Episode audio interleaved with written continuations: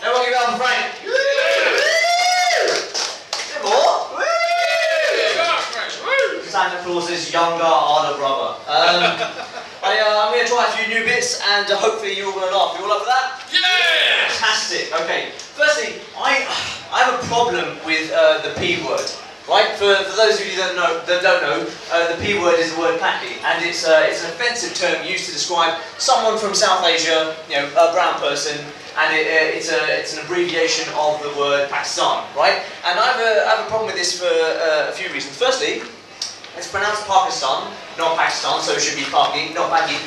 No, it shouldn't. You shouldn't say it. Um, what else? I, uh, I went, I went travelling recently um, with, with a few friends of mine. We went travelling around the Middle East.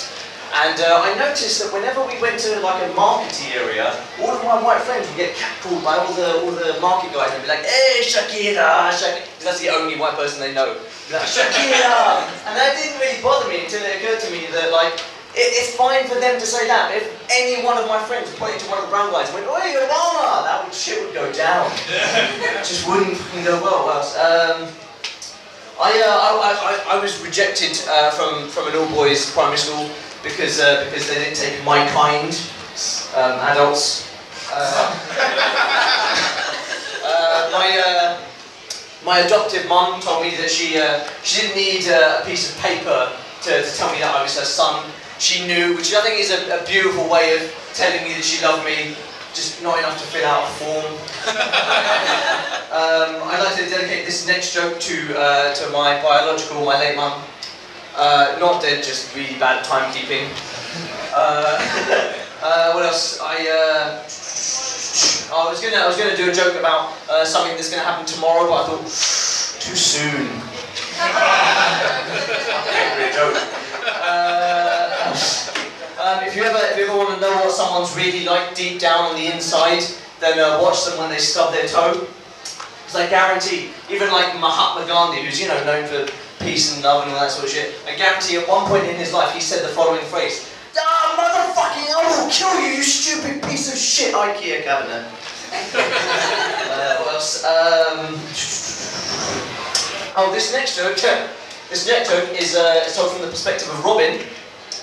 Everything, everything was going well in Gotham City, and then all of a sudden, it struck me stealthily dead of night, leaving me paralysed.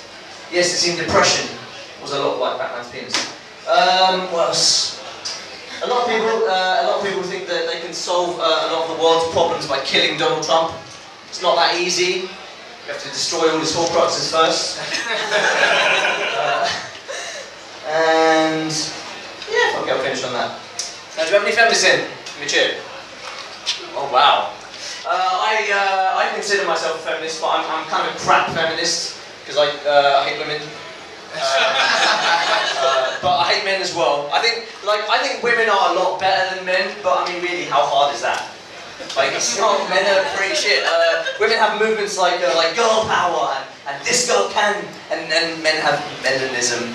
Like, what the fuck? No one needs to stand up for men's rights. We literally invented the system to work primarily for us. I think, like, not only is it stupid, but it's also unnecessary. I view, I view feminism in the same way that I view white power. Like, not only are you an idiot, but you don't need to be there. Some idiots are necessary. The first person to get run over by a car, that person was necessary. Like, they were stupid, but now we have road safety. These people aren't necessary. They don't need to be here. Essentially, I guess what I'm saying is I have a thing against unnecessary idiots, and I don't mean like all idiots in general. Some idiots, like I have many friends who are who are idiots. I'm not I'm not biased against idiots. I remember when I came out to my dad as an idiot, and he put his hand on my shoulder and he said, "It's all right, son. It's okay. We always knew." uh, ladies and gentlemen, I'm Isaac Sanchez. Thank you and good night. Give it up for Scott Sanchez there. Tell Telling white people what's what. So look, uh, ladies and gentlemen, you know, uh, this club uh, plays every week. Normally we're downstairs